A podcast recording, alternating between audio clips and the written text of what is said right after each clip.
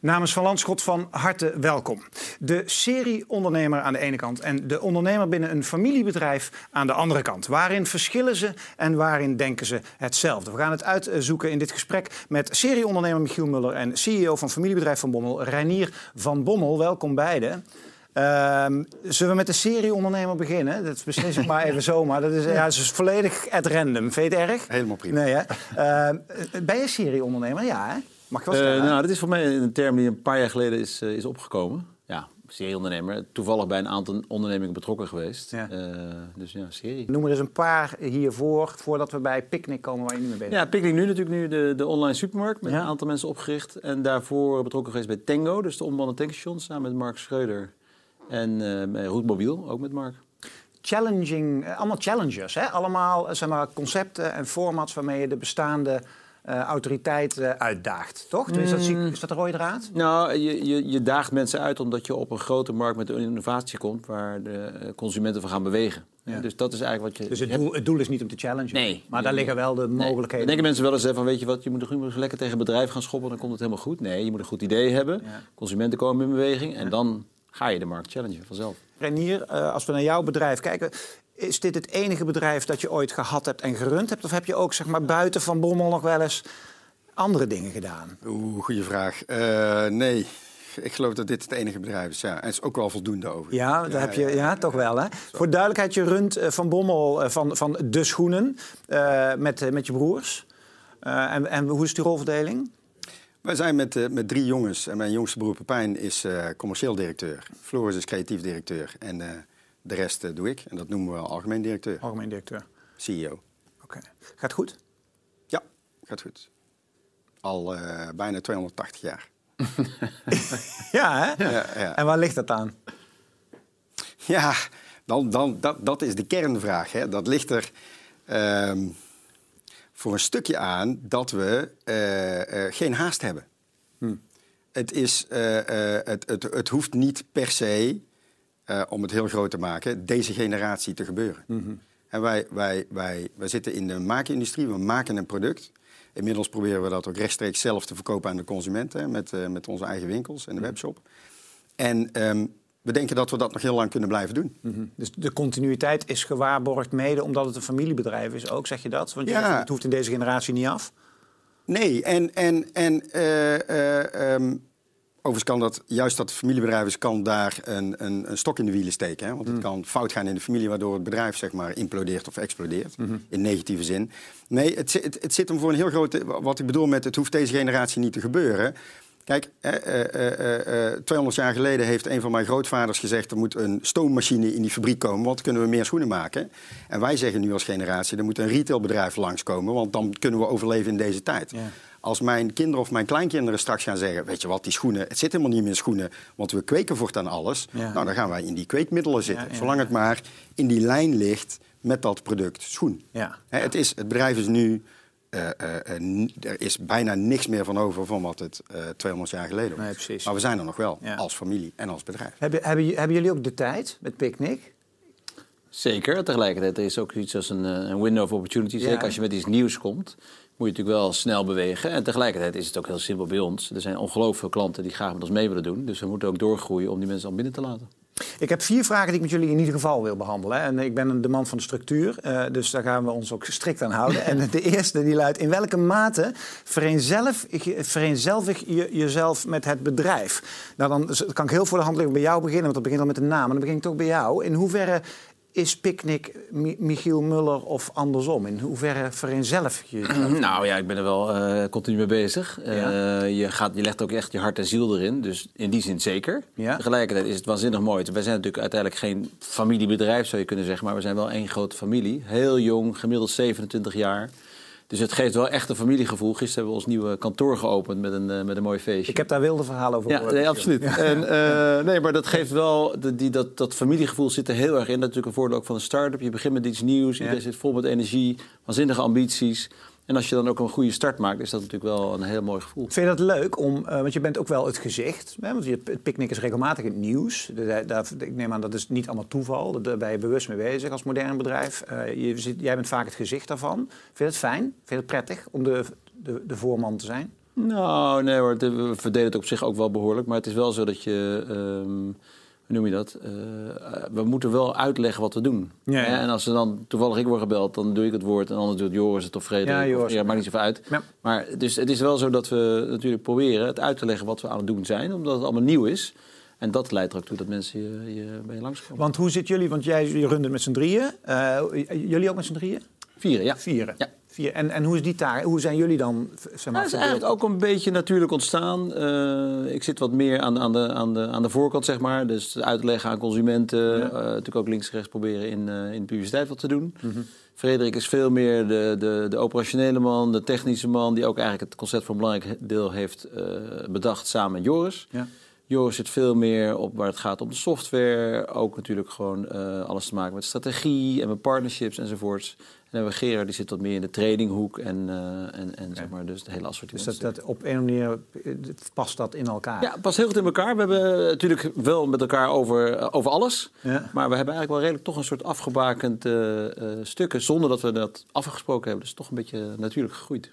In hoeverre vereenzelvig jij... ja, dat is bijna een, een retorische vraag. Of, of heb ik dat mis? Nee, ik denk dat je dat wel goed hebt. Daar is niet echt onderuit te komen natuurlijk. Hmm is ook wel een beetje een keus geweest die Floris en ik in de tijd hebben gemaakt om ons, uh, wat ik uh, Michiel ook hoor zeggen, hè, iemand moet het gezicht zijn van het bedrijf. Hè. Je, wil, je verkoopt een product of een, of, een, of een dienst en daar een gezicht aan hangen, dat werkt. Mm -hmm. En voor ons met het merk Floris natuurlijk helemaal. Maar um, kijk, wij, wij, wij zitten al een tijdje in ons gebouw. Sinds 1951. En daarvoor zaten we in een ander gebouw, maar dat is afgebrand, dus daar moesten we uit. Ja. Maar we hebben helaas is de gemiddelde leeftijd bij ons geen 27, maar ergens uh, achter in de 30, misschien zelfs wel begin 40. En ik heb uh, iedere, nou een aantal keer per jaar, een 40-jarig jubileum. En dan zitten we daar, uh, mijn twee broers en, en, en, en de jubilaris met zijn vrouw of zijn vriendin of zijn partner of wat het dan ook mag zijn. Ja. Um, en dan komen de verhalen van vroeger. Hm. En ik heb inmiddels zo vaak daar aan die tafel gezeten... dat ik inmiddels zelf met verhalen aankom die sommige mensen dan vergeten. Oh ja, maar dit deden we toen ook, ja. 35 jaar geleden. Snap je? Dus ik ben wel een... een um... de personificatie een beetje van het, van het merk geworden. Dat mag je wel zeggen. Is dat wel inherent ook aan familiebedrijven, denk jij? Want eh, is dat een verschil? Of zie je dat bij een serieondernemer of bij gewoon een bedrijf... wat niet uit een familiehistorie komt... Nee, ik denk dat verhalen, de war stories, dat geldt of je nou... Je, je hebt natuurlijk veel meer war stories omdat je lang bestaat. Maar ja. ongelooflijk belangrijk voor een bedrijf om die verhalen te blijven vertellen. Omdat er mooie dingen zijn gebeurd die je gevierd hebt... of waar je ellendig mis is gegaan wat je wel hebt hersteld. Ja. Dat zijn natuurlijk wel de mooie verhalen. Maar het is natuurlijk een iets andere situatie... waarbij de drie broers, uh, de kans dat jullie... Is er een kans dat jullie het bedrijf verkopen bijvoorbeeld? Uh, daar is het heel zelden, gaat het daar wel eens over... En er is één kans, en dat is dat als het nodig zou zijn om het bedrijf te laten overleven, ja, ja. Hè, dan verkopen we het. Want ja, uiteindelijk is het, het, het bedrijf is groter, uh, uh, uh, nou ja, iets anders als de familie. Het is niet, hm. hè, je ziet dat ook wel eens, als je de kranten goed bijhoudt en om je heen kijkt, hoor je dat ook wel eens. Hè, dat als de familie en zo'n bedrijf te dicht op elkaar gaan zitten en echt die verwevenheid hebben, uh, uh, ja, dan, dan, dan neigt dat ook kapot te gaan. Dus ja, ja, het, is, het, is, het, moet zakelijk blijven. Het voorbestaan van het bedrijf en het voorbestaan van de familie is niet hetzelfde. Nee, nee. nee, zijn wel degelijk. Hebben jullie dat ook gedocumenteerd? Wat? Nou, in een soort, weet ik veel, in een, wat, dat, wat de rol is van de familie en, en van de zaak. Dat, ik weet van bijvoorbeeld Bavaria, ja. dat familie Swinkels, heeft daar hele, hele documenten over hoe dat allemaal geregeld is. En hebben jullie dat, een soort familiestatuutachtig? Ja, ja, ja, hebben we. Ja, ja. ja. En daar, staat, daar, staan, daar staan hele, hele platte dingen in als dat onze partners niet in de zaak mogen werken. Dat soort dingen. Precies, ja. juist, die staan erin. Daar staat in hoe word je directeur in ons bedrijf. Hè? Dus het is, ja, we zijn uh, alle drie de zoon van de baas. Maar dat wil niet zeggen dat we op die directieplek zijn gekomen... omdat mijn vader heeft gezegd, het is een leuke jongen, zet hem maar op die plek. Nee, nee, nee. commissies, al dat soort zaken. We hadden uh, tot een bepaalde leeftijd, 31, de tijd om in het bedrijf te komen. Ja, dus als ik op mijn, mijn jongste broer is op zijn 31ste echt pas gekomen. Als hij nog een jaar gewacht had, had hij volgens onze aandeelhoudersovereenkomst zijn aandelen moeten verkopen aan ons. Dus fiscaal schijnbaar een hele slechte beslissing. zo regelen. We hebben het wel zo Eh, ben, geen- ben geen jurist. In welke mate is rentmeesterschap, ik moest hem even opzoeken, want het is een woord wat je niet elke dag hoort, maar eh, rentmeesterschap belangrijk bij beslissingen over je onderneming. In hoeverre ben jij bezig, eh, ik kom zo meteen bij jou, want daar, daar heb ik het al, al een beetje over horen praten, maar in hoeverre zijn jullie bezig met picknick over tien jaar of over twintig jaar, de Nou, toekomst van je personeel? En, Natuurlijk op personeel, maar we zijn natuurlijk sowieso met, met wat we hebben opgezet een ongelooflijk duurzaam bedrijf. We rijden 100% elektrisch. We voorkomen voedselverspilling. We hebben geen fijnstofuitstoot. Dus het is iets waar we ook natuurlijk zelf enthousiast van worden, maar waar je ook zeg maar jonge, talentvolle mensen nu Ja. alleen maar mee kunt confronteren. Want als je zo'n een enorm vervuilend bedrijf start wat alle, eh, alle, alle bronnen ver- vervuilt, dat gaat nooit gebeuren. Dus het is, zit in onszelf, maar het zit ook in het aantrekken van heel goed talent. Dus, eh, maar zit, het ook in, zit dat rentmeesterschap, eh, de- zit dat ook in de statuten of zeg maar in het DNA van het bedrijf? Absoluut. Maar bij jullie zal het niet zo strikt zijn dat jij zegt van ik ga het in principe niet verkopen. Ik kan me voorstellen dat dat een formule is dat je op een gegeven moment dat er een grote partij komt en we zeggen we kan een commerciële deal maken en dan kan ik het verkopen. Nou, kijk, dat is natuurlijk, de rentmeterschap is natuurlijk in die, eh, in, als je natuurlijk een paar honderd jaar bestaat, Ja. heb je dat natuurlijk op een hele andere manier ingevuld misschien. Maar bij ons zit het rentmeterschap zeker in het feit dat we proberen echt een heel duurzaam bedrijf op te zetten, wat die voedselketen ook echt vernieuwt. Want die voedselketen is best wel een beetje in de war geraakt in de afgelopen 60 jaar. Als je kijkt wat er allemaal aan verspilling eh, plaatsvindt, is echt enorm. Daar zijn wij als consumenten ook deels debet aan, omdat we hele hoge eisen stellen aan van alles en nog wat. Maar daar kun je natuurlijk wel een behoorlijke verbetering maken. Wij doen het door inzetten van nieuwe technologie, een nieuw businessmodel, superjonge mensen, slimme mensen met goede maar, ideeën aan boord. maar daarmee raak je toch nog niet het, de voedingsindustrie aan, of wel? Zeker, absoluut, natuurlijk. Want? Omdat je, nou, we hebben, A, we hebben geen voedselverspilling, omdat wij alleen eh, het brood bakken als we weten dat het besteld is. Ja, dat, dat wist, ik, ja, wist ik wel, maar ik bedoel, dat moet je dan wel vertellen. Ja. want, dat is, het is een soort on-demand model wat je dus zegt. Want jullie hebben s'avonds de bestellingen binnen en dan pas wordt brood gebakken. Ja, Dus dus om tien uur s'avons weten we, we moeten de volgende dag 100 broden afleveren. En Dan, dan- en dan- bakt de Ja, bakker de 100. Dus jij, voor- jullie, jullie, jullie hebben echt invloed op het Zeker. naar beneden brengen van verspilling. Voedselverspilling. We hebben de hele supply chain die natuurlijk helemaal is afgesteld op supermarkten. Zijn wij nu aan het afstellen op online. Hele simpel voorbeeld. Een pak cornflakes is zo groot. Maar er zit maar zo'n klein beetje cornflakes in. Ja. Waarom? Omdat dat pak in de winkel natuurlijk heel groot moet zijn. Ja, ja, ja. Maar dat betekent dat die hele supply chain... die rijdt dus voor twee derde rond met lucht. Ja, zonde. In een app, in, een, in onze situatie, heb je helemaal niet zo'n groot pak nodig. Want het plaatje kan je heel groot maken. Ja. Maar wat thuis komt is gewoon wat je erin zit. Ja, ja, ja, En dat soort dingen. Dus er is ongelooflijk veel nog te verbeteren. Aan verspilling, maar ook aan emballage, aan de hoeveelheid plastic die je Wil je ook aan het product zelf nog eh, uiteindelijk eh, komen? Ja, want, zeker. Want de voeding zelf is natuurlijk ook niet dat je zegt allemaal even... Zeker, en daar heb je eigenlijk, daar zijn we nu een beetje mee begonnen. We gebruiken heel veel lokale producten, dus waar je ook weer minder kilometers maakt, maar waar je ook gewoon mensen met hele mooie lokale producten de kans geeft om het te verkopen. Ja, het is best wel moeilijk als je een kleiner speler bent en je maakt 50 kilo kaas, Ja. om bij een grote supermarktketen binnen te komen. ja, ja. Bij ons kan het wel, omdat wij, als wij 50 kilo verkocht hebben, kunnen we hem uit de app halen. Dus je kunt eigenlijk met technologie veel meer doen om het ook slimmer te maken. Ja, ja. Als ik zeg rentmeesterschap eh, bij Van Bommel, hoe vertalen jullie dat dan? Naar collega's, naar, eh, eh, de, de, weet ik veel, naar het Brabant, naar eh, de wereld, naar gezondheid. Ja, ik denk dat dat bij ons bijna vanzelf gaat. Dat dat gebeurt zonder na te denken. Er zitten overigens ook nadelen achter aan. Hè? Want als ik, als, ik, als ik dit zo hoor, hè, wat, wat Picnic doet... Hè, vanuit, een, vanuit een nieuw bedrijf met een, met een hele schone lei kunnen beginnen... Ja, geen legacy, niks. Dat, ik, ik, zit, ik wil nou niet zeggen dat ik wel eens achter mijn bureau zit en denk... oh, dat zou ik ook wel eens willen. Maar dat doe het eens, doe het eens, fijn doe het, maar doe het eens, doe het eens. Doe het Nou, eens nu. Je, je, mag nu iets, je mag nu van scratch af aan. Nou, nee, ja. Dan zou ik heel diep na moeten kom ik overigens met waanzinnig goede ideeën. Maar, ehm, nee, een van de dingen is... eh, eh, ik wijk af van je vraag. Hè, Nee, maar niet. Is als je van vader op zoon een, een bedrijf overneemt... en een rol overneemt... Hè, ik, Ja, ja. voordat ik algemeen directeur was, was ik commercieel directeur. Ja. Onze klant, business-to-business was dat toen nog, die retailer... die verwacht dat de zoon Reinier van Bommel... gewoon hetzelfde gaat doen als zijn vader Frans van Bommel. Ja. Waarom zou, het ging toch goed? Waarom zou die jongen het anders gaan doen? En als je daar, en we, we hebben dat dus gedaan, onbewust, dat heeft ons heel veel gebracht, tussen eh, eh, mijn broer en mij, want mijn broer heeft eigenlijk mijn commerciële taken overgenomen, daar heeft een, een interman tussen gezeten. En die heeft eigenlijk dat schone blad gecreëerd. En mijn jongste broer is dus met een redelijk schone lei Ja, ja. in relatie tot die klant kunnen beginnen. En als je, als je, als je dat terugpakt op rentmeesterschap, ja, wij, wij doen dingen bijna zonder dat we ze doorhebben. Dus hè, wij halen ons leer uit Italië. Dat doen we omdat we dat al generaties lang doen, omdat daar de beste lawyers zitten. We kunnen het tegenwoordig voor een deel ook uit Bangladesh halen. Hè? Dat is heel veel goedkoper, maar je wil niet weten waar het vandaan komt. En hoe het gemaakt Hè? En hoe het gemaakt wordt. Wij doen dat niet. Deels omdat we het sinds jaren en dag al uit Italië halen. Daar zitten onze lawyers. En deels omdat ons gevoel daarbij niet lekker is. Maar goed, tussen Bangladesh en Italië liggen ook andere landen wou zeggen, want- die wel netjes zijn, Ja. snap je? Waar we dan ons netwerk niet hebben of niet aanwezig zijn. Ja. En als je dan weer met dat schone blaadje zou kunnen beginnen. De- Als ik dit Dus moeten brutaal... dat proactief Ja, ja precies, want, precies. Want als ik dit vertaal, dan zou je ook kunnen stellen... familiebedrijven zijn, hebben een risico dat ze minder innovatief zijn. Ja. Ja, maar dat is heel interessant. vanwege- want, Ja, ja, ja. want dat is heel raar. Want ik denk dat als je dit soort familiebedrijven hebt... die zijn dan misschien ja, niet innovatief... maar toch zorgen ze er wel voor dat het doorgaat. En ik denk dat het heel veel te maken heeft met de intrinsieke kracht... die de mensen binnen dat bedrijf werken hebben. Als je bij jullie 30 jaar werkt...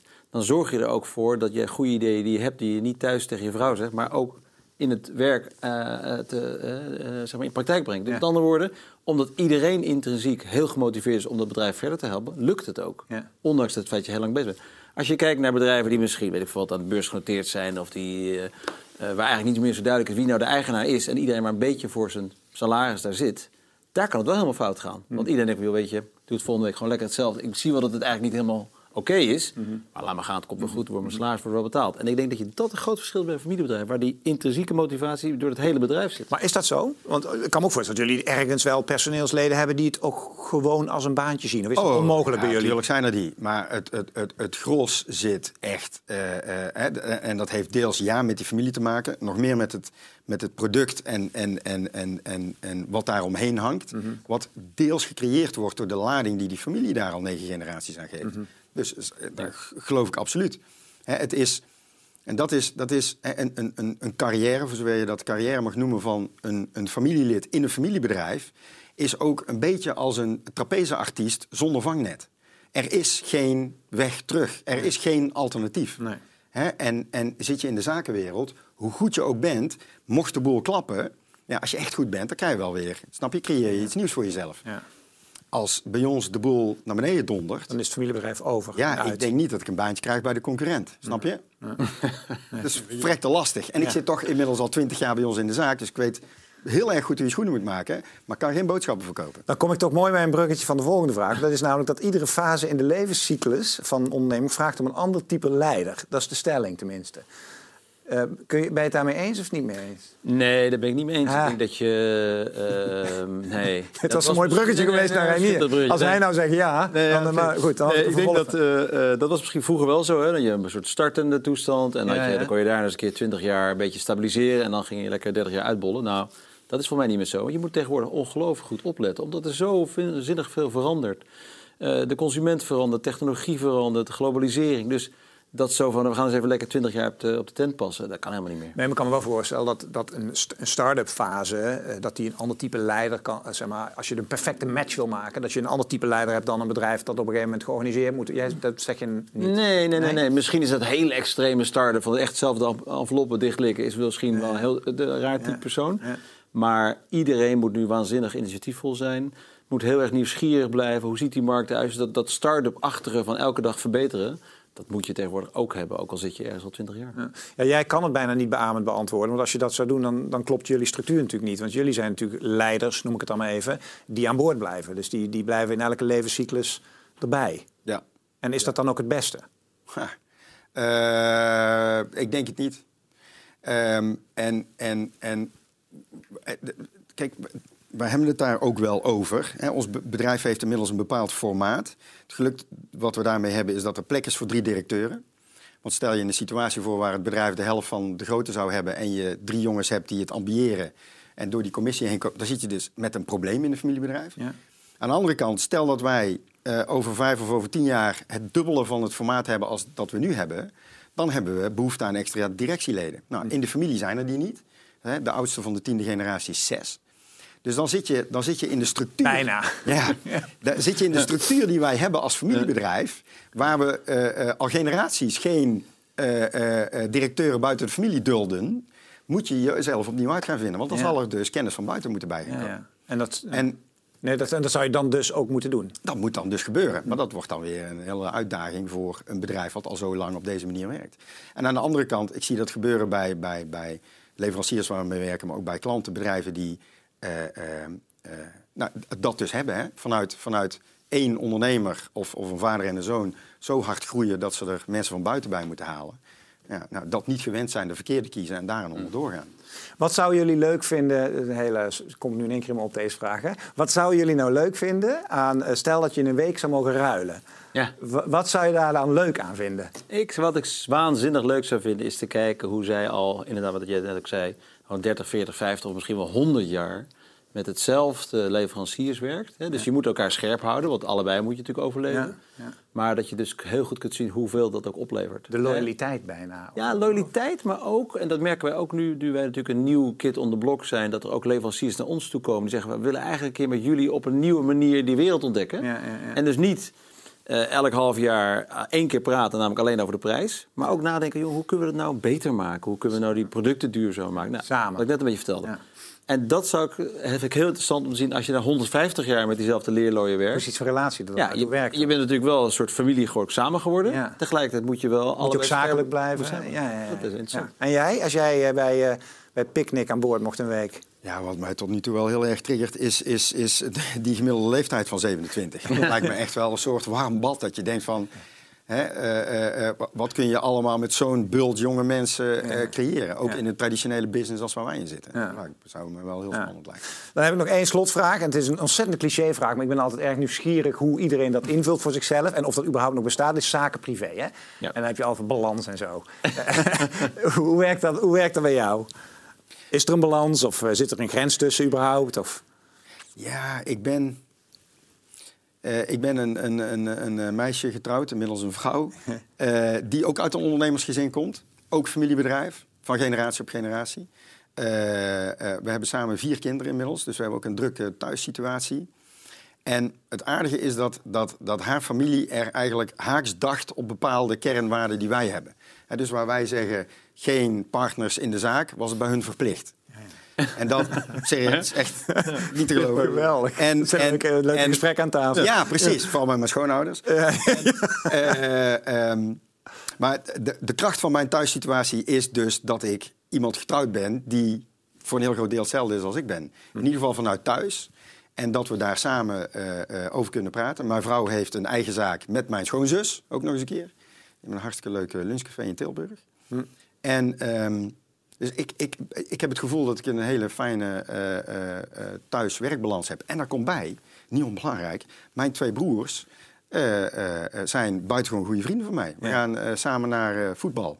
Helaas op dit moment het verkeerde clubje. hè, Willem II. Maar Ah, we gaan er toch maar naartoe. Blijft Willem II. We gaan, er- zondag gaan we weer. Ja, gewoon doen. Eh, volhouden. En we, gaan, we hebben eh, regelmatig eh, avondmeetings. Dat zullen jullie ook wel hebben. Dan gaan we daarna lekker nog sushi eten naar de bioscoop. Dus nee, het gaat helemaal goed. Jij? Die balans. Nou, dat loopt volstrekt door elkaar heen. Ja? Ja, absoluut. Maar dat is helemaal niet erg. Eh, bovendien, eh, A, de mensen bij mij thuis zijn er ook aan gewend. En we hebben er ook wel een modus in gevonden natuurlijk. Ja, ja. Maar nee, natuurlijk loopt het helemaal door elkaar heen. En, en, en eh, ultieme manier van ontspannen, wat is dat voor jou? Oh, het kan van alles zijn. Het kan zijn sport, maar het kan ook zijn eens gewoon eens een keer, eh, weet ik veel wat, naar het strand gaan. Of wat, wat wel helpt, is denk ik als je even je telefoon wel even uitzet. Dat is wel een soort van moment. Hm. Ja, ja, dat ja, even want je hebt natuurlijk nu zo idioot veel communicatiekanalen dat er altijd iets afgaat. Ja. Ehm, dus dat, dat helpt wel. Maar ik kan wel, dat is misschien wat ik geleerd heb, wel heel snel van Ja. Dus dat is wel Ah, belangrijk. Hè? Want het is natuurlijk altijd zo met stress en allemaal eh, druk zijn enzovoorts. Kijk, het is helemaal niet erg als je het heel druk hebt, maar dan moet je daarna je moet een beetje. Work hard, play hard. Nou ja, je moet die stressniveaus moeten af en toe weer een beetje terug. Ja. Want als je het elke keer verder opbouwt, dan gaat het niet goed. Eh gaat bij jullie vast goed komen. Mag ik jullie danken voor dit prettige gesprek. Eh, en jullie, dankjewel voor het kijken. Dag.